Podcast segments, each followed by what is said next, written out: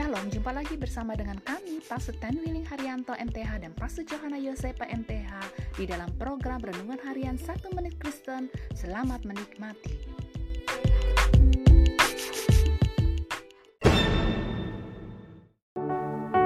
Shalom saudara-saudara yang sangat berharga di hati Tuhan. Hari ini firman Allah mau mengingatkan kepada kita, peliharalah nama baik. Sebelum Yakub mati, di hadapan seluruh anak-anaknya, Yakub menjelaskan bahwa ia tidak terlibat di dalam pembunuhan yang dilakukan oleh Simeon dan Lewi di Sikem. Yakub mau meninggalkan nama baik untuk keturunan-keturunannya.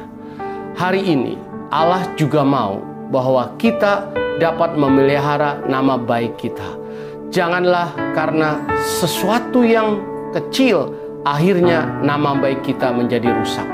Firman Allah mengatakan, nama baik itu lebih berharga daripada kekayaan besar.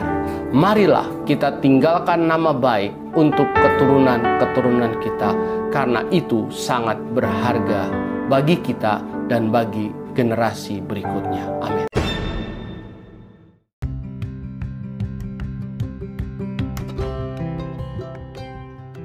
Terima kasih saudara telah mengikuti podcast Renungan Harian 1 Menit Kristen.